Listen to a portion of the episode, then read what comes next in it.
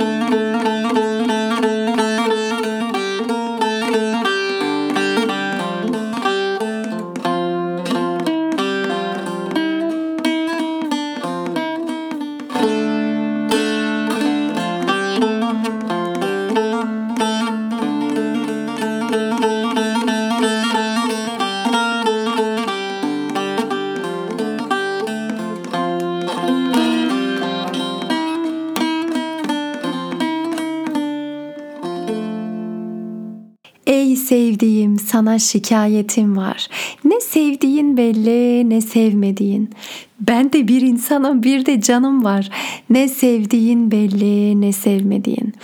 Bu türküyü seçtim bugünkü konumuz için. Çünkü doğrudan bence eleştiriyi anlatan bir türkü yani bir karı koca düşünelim mesela ve bir taraf durumundan rahatsız diyor ki ey sevdiğim sana şikayetim var. E ne sevdiğin belli ne sevmediğin gibi. Şimdi bazen eleştirilerle baş başa kalıyoruz. Pat diye bir şey duyuyoruz. Kos kocaman bazen oturuyor içime. Hatta Türkiye'de şey deniliyormuş. İçime bir öküz oturdu deniliyormuş. Sonradan repertuarıma ekledim. Hakikaten bir durumla karşı karşıya kalıyorsun ve diyorsun ki ya çok kötü alındım ama alınmama gerek var mı gerçekten? Şimdi eleştirildim ama ben bunu hak ettim mi? Yoksa trip mi atmam lazım? Karşıma gelmem lazım? Ne yapmam lazım ya? Ben aslında alındım iyi hissetmiyorum kendimi falan. Böylesi durumlar eminim sana da tanıdık geliyordur. Ben düşündüm böyle hangi mevzuyu alsam bir tane örnek versem daha netleşir zihinlerde diye. Şu yaşantımı hatırladım. Haçtayız ve bir tane haç arkadaşım böyle herkesin içinde beni tersledi. O an aslında şöyle olmuştu. Ben otelin lobisindeydim ve lobisinde bir olay yaşandı. Arkada bir tane adam vardı ve o adam birden farklı şekilde konuştu. Birkaç adam geldi onu tuttu ve hastane arabası geldi oraya koydular. E tabii ki ihramdayız. Manevi olarak en yüksek duyguları yaşamış durumdayız o an. Ve bir kız grubu vardı. Arkadaşlarımızın yanına gittim ve "Aa gördünüz mü? Ne oldu biliyor musunuz? Az önce böyle böyle oldu." diye anlatmaya başladım. Ve bir arkadaşım beni susturdu. Dedi ki, "Eğer şu an bu durumda bunu anlatmayı doğru buluyorsan ben biraz kenara gitmek istiyorum. Ama bunu anlatmanı istemiyorum ben şu an. Anlatmakta ısrar ediyorsan da ben giderim sorun yok." gibi bir tepki verdi bana. Yok yok dedim ben anlatmak zorunda değilim durabilirsin burada dedim ama içim içimi yiyor o an. Ben kötü niyetli anlatmadığım bir isim vermedim, kötülemedim. Ben hak ettim mi şimdi bu eleştiriyi? üzüldüğümde ama sonradan düşündüğümde tamam hani genel olarak eleştiri, eleştirileri ne yapmam gerekiyor? Eleştirildiğim durumlarla karşılaştığımda nasıl hissetmem gerekiyor? Ne cevaplar vermem gerekiyor? Acaba eleştirileri ortadan kökten kaldırmak mı gerekiyor diye kara kara düşündüm. Hatta haçtan döndükten sonra bana ortak arkadaşımızdan defalarca selamlar gönderdi bu arkadaşımız. Hatta evine davet etti ve o, o şehire gittiğimde evinde ziyaret ettim. Baktım ki yo aslında Eminim kötü anlamda söylemedi söylediği şeyi.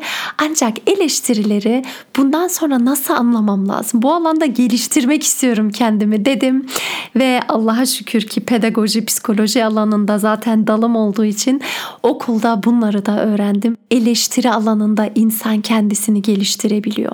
Mesela ben düşündüğümde eskiden böyle alındığım ah, nasıl böyle bir şey der dediğim şeylerde bugün baktığımda şunu söyleyebiliyorum. Hmm, aslında hiç de hoşuma gitmedi ama boş ver deyip gülüp geçebiliyorum. Hatta şu an e, bilenler vardır mutlaka sosyal medyada da paylaştığım bir kitap projesinin içerisindeyim. Ben yazdıklarımı editörüme gönderiyorum ve oraya gittiğimde editörüm değişiklikleri bana gösterdiğinde bilgisayarını açtığında ve karşımdaki ekranda bir sürü kırmızı işaretlenmiş yani hataları gördüğümde baktım ve dedim ki ya bu şimdi hoşuma gitmedi. Nefsimin hoşuna gitmedi bu hocam dedim. evet hoşuma gitmedi aslında eleştiri gibi bir tokat gibi bir şey yani o kadar emek vermiştim ben neler neler yazmıştım ve şu an hepsinin kırmızı olarak görmek tabii ki hoş değil. Ancak öğrenmem için bu gerekiyor ve hemen öğrenebileceğimiz veya kalbine koyabileceğin ilk şey eleştirinin kesinlikle geliştirici bir yönü vardır. Ben asla eleştiri istemiyorum, asla geri bildirim istemiyorum diyen bir insan tek başına kalan bir insan tek başına kendi fikriyle ilerlemek isteyen bir insan haline gelir. Ama akıl akıldan üstündür deriz. Hani en güzel çalışmalar ekip içindeyken, birbirinin dediklerini önemseyerek, birbirlerine destekleyerek, birbirlerini bir şeylere hatırlayarak, form alarak gelişenlerdir. Ama en iyisini ben biliyorum. Kimse benim sözümün üstüne bir söz söyleyemez gibi bir tavır takındığımda ancak kendi fikrime göre gelişebilirim.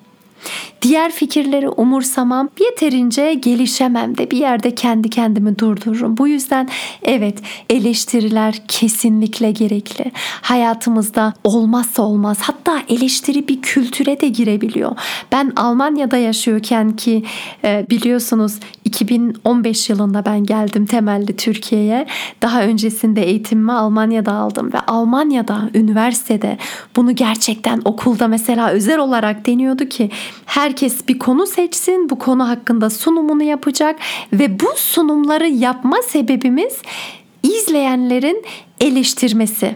Hani daha iyi nasıl olabilirdi? Bunu öğreniyoruz ve bir konuyu ele alıp o konuyu sağdan, soldan, oradan, buradan değerlendirip dışsal bir şey olarak değerlendirip onu daha da nasıl geliştirebilirim?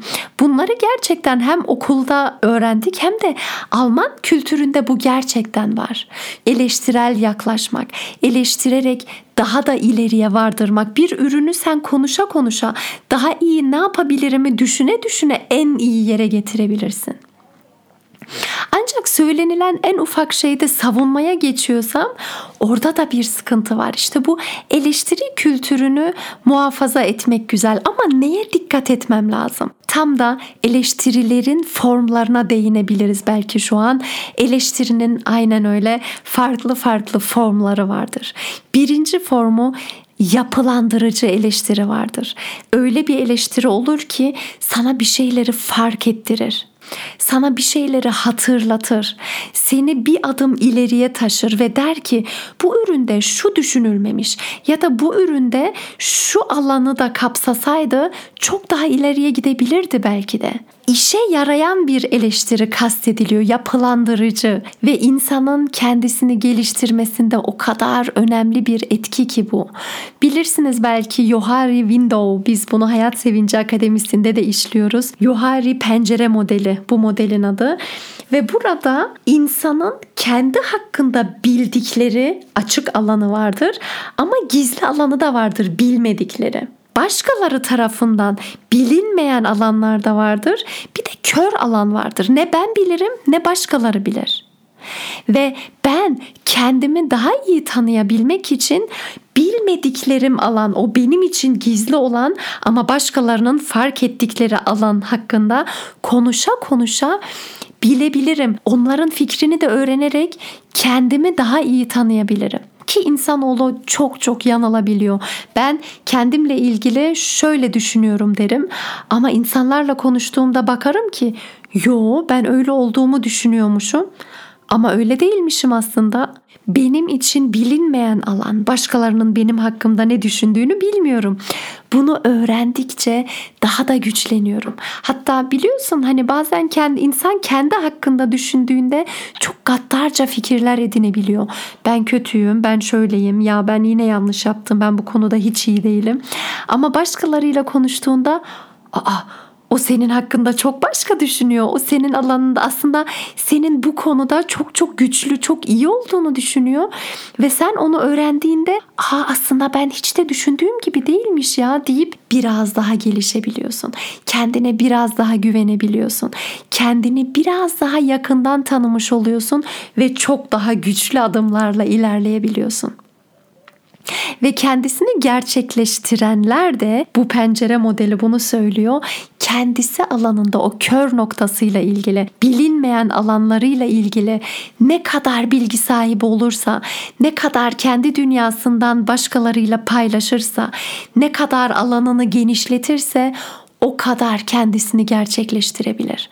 O yüzden eleştirisiz bir dünya aslında düşünemeyiz. Kültürümüze tekrar girse hiç fena olmaz. Ancak sıkıntı şuradaki eleştirinin bazı farklı formları da var. Yapılan her eleştiri maalesef yapılandırıcı olmayabiliyor. Her eleştiri beni bir adım öne taşımaya da biliyor. Çünkü bazı eleştiriler ikinci formu kırıcı eleştiri oluyor. Seni aşağı çeken eleştiri. Boş eleştiri. Mesela ya ne yaptın ki? Ha çok kötü olmuş. E neden kötü olmuş? Ya yakışmamış ki. Ne yakışmamış? Ya yeşil renk ben yeşil rengi sevmiyorum falan. E bu senin kişisel değerlendirmen. Bu beni bir adım öne taşımaz ki ve gelen eleştirilere gerçekten bakmak lazım. Bu gerçekten beni bir adım öne taşıyor mu? Yapılandırıcı mı? Bana bir katkı sunuyor mu? Eğer sunmuyorsa ben o eleştiriyi almak zorunda değilim. Beni aşağı çekiyorsa o zaman ne yapabilirim ki ben bu eleştiriyle? Zaten ben buna cevap vermeye çalıştığımda işte sen nasıl böyle bir şey dersin? Bana ne senin zevkinden? O enerjinin kaybına yol açar. Buna da hiç gerek yok. Bununla ilgili mutlaka bunu söylemem lazım. Bunu da söylemeden yapamam falan demene gerek yok çünkü yapılandırıcı değil. Ne sana bir faydası var ne ona bir faydası var. O fikrini söylemiş ama bu benim için yapılandırıcı olmadığı için ben bunu almamaya karar veriyorum. O yüzden enerjimi de boşuna tüketmeme gerek yok diyebilirim. Ve bu kırıcı eleştiriden sonra şu formda oluşabilir öz eleştiri. Öz eleştiri yapmaya başlarım. Başkalarının eleştirisinden sonra hani sana 40 gün aptal olduğunu söyler ve sen 40. günden sonra buna inanırsın mevzusu var ya eleştirilirsin mesela yakınların tarafından eleştirilirsin eleştirilirsin bir zaman sonra artık kendi kendi artık hatta bu kırıcı mı yapılandırıcı mı ne yapsam diye düşünmeden artık bunu kendine ait bir şeymiş gibi de taşımaya başlayabilirsin. Ben yine yapamadım, beceremedim. Ben hiçbir şey yapamıyorum. Bak herkes her alanda neler neler yapabiliyor. Bir ben yapamıyorum. Bu artık bir sistem haline geliyor. İçten içe sürekli kendimi eleştiren, sürekli kendime gaddarca davranan, sürekli kendine aşağı çeken bir sistem oluş, oluşuyor iç dünyamda. Ve bu sana öyle bir zarar veriyor ki, bu sana yapılan öyle bir büyük haksızlık oluyor ki kendin tarafından. Kesinlikle buna izin vermemelisin. Çünkü bu da şiddet. Ben kendi içimde de bir ekibim. İçimde bir sürü sesler var. Bu seslerle bir olarak kendime de şefkatli davranmak sorumluluğu üstleniyorum. Çünkü ben benliğimi Allah tarafından aldım.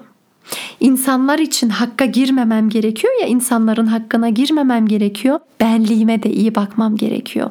Benliğimi de ötelememem gerekiyor. Benliğimi de aşağı çekip gaddarca davranmamam gerekiyor. Bu sebeple ne olursa olsun eleştiri aldığın zaman ilk önce bir bakman lazım. Bu yapılandırıcı mı yoksa kırıcı mı? Beni hangi yönden bir adım öne taşır? Mesela bir bardağın formunu düşündüğünde bardağın hani formu farklı farklı formlar vardır. İnce bellisi vardır. Biraz daha böyle kalın vardır. Küçüğü vardır, büyüğü vardır. Kulplusu vardır, kulplusuzu vardır. Ve üreticiye dersin ki ya çay içerken hani elinin yanmaması için bu avantaj böyle falan derken bu yapılandırıcı olur. Ya da formunu tartışırken yapılandırıcı eleştiri alabilirsin ve bu çok çok faydalı olur. Ama bu bardak da neymiş ya hiç beğenmedim falan. E neden beğenmedin? Ya ne bileyim sevmedim. Buna böyle bardak mı olur ya? E, yani ben şimdi neresinden tutayım senin söylediğinin? Bu yüzden eğer kırıcı olduğunda o zaman ben bunu almak zorunda değilim. Söylenilene bırakırım. Tamam o kendi fikri yapılandırıcı değil, eleştirel davranmak istiyor. Daha doğrusu kırıcı yaklaşmak istiyor. Bunu ben kendi üzerime almam, yapıştırmam gerekmiyor. Onu da bırakabilirim. Ben gelişmek istiyorum. Gelişebilmem için benim hakkımda ne diyor? Acaba benim çalışabileceğim cümleler bana veriyor mu? Gerçekten alınganlık hani ben önceden kendimle ilgili gerçekten zaten kendime kızıyorsam, zaten kendimi çok eleştiriyorsam söylenilen ufak şeylere de alıngan davranabilirim. Acaba ben çok mu alıngan davranıyorum? Yo hani sonuçta şunu da hatırlamakta bir fayda var. Bu söylenilenler benliğime söylenilmiyor. Bu söylenilenler belirli bir durumda, belirli bir davranış için, belirli bir oluşturulan bir şey için, üretilen bir şey için, söylenilen bir şey için yapılıyor. Ve bu eleştiri beni geliştiriyorsa eyvallah çok güzel. Ama benliğime bir saldırıysa yok. Ben bunu almak zorunda değilim. Kendi üzerime yapıştırmak zorunda değilim. Ben zaten kendi benliğime saygılı olmaya niyetliyim ve zaten iletişim de subjektif ilerliyor. Mesela e, hani renkler ve zevkler tartışılmaz derler ya. Farklı farklı fikirler söyleyen de olacaktır. Ancak şunu asla unutmamamız gerekiyor. Bir alıntı var. E, Ella Noor Roosevelt diye birisi söylemiş bunu. Unutmayın ki izniniz olmadan kimse size kendinizi küçük hissettiremez. Ben neticede izin veriyorum başkalarının beni alçaltabilmesine. Eğer ben kendime izin vermiyorsam, kendi benliğime saygı duymaya karar veriyorsam, başkaları bunu yapmıyorsa onun sorunu, onun iç dünyasından dışına fışkırmasının bir sonucu bu. Ve ben de onun gibi olmak zorunda değilim. Zaten onun gibi olduğumda kaybetmeye mahkumum çünkü o alanda o çok gelişmiş.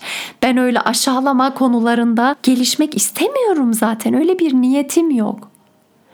Ve böyle bir niyetim olmadığı için de seni senin söylediğin şeylerle bırakıyorum. Ben gelişmeme konsantre oluyorum. İşte araştırmalarıma göre gerçekten en güzel yolda bu yol dengeyi sağlayabilmek, kendi iç dünyamda saygımı koruyabilmek, dışarıdaki olup biten için ben izin veriyorum. Eğer birilerinin beni yapılandırıcı eleştiriyorsa eyvallah kabul ederim ve teşekkür ederim. Ama beni aşağı çekmekse niyeti fazla çaba harcamama gerek yok. Onunla bırakırım. Tekrar türkümüze gelecek olursak. Ey sevdiğim sana şikayetim var. Ne sevdiğin belli ne sevmediğin. E ben de bir insanım bir de canım var. Ne sevdiğin belli ne sevmediğin diyorsa eğer bir kişi sevdiği kişiye yani bir şekilde sevilmediğimi hissediyorum. Sen artık beni seviyor musun, sevmiyor musun söyle dediğinde aslında yapılandırıcı bir yönü var diye düşünüyorum. Çünkü insan seviliyor olmasıyla seviliyor hissetmesi bambaşka bir şey. Ben aslında çok seviliyor olabilirim ama bunu hissetmiyor olabilirim. Bunun farklı farklı sebepleri vardır. Bir tanesi sevgi dillerimiz farklıdır. Mesela beni seven kişi mesela hizmet dilidir sevgi dili onun. O bana hizmet eder, bana onaylayıcı sözler söyler. Ama benim sevgi dilim daha çok fiziksel temastır veya sevgi sözcükleridir. Ama o olmadığı için seviliyor hissetmiyorum şeklinde. Yine biraz durum analizine geçtiğimde bu durumdan biraz daha uzaklaşıp nedir burada tam olarak eleştirilen şey? Var mıdır bunun bir yapılandırıcı yönü? Buna baktığımda eyvallah. Demek ki yapılandırıcı bir yönü var. Sevdiğim eğer kendisini seviliyor hissetmiyorsa o zaman diğer sevgi dillerini de kullanacağım. Ben elimden geleni yapacağım ki sevdiğim seviliyor hissetsin. Müzik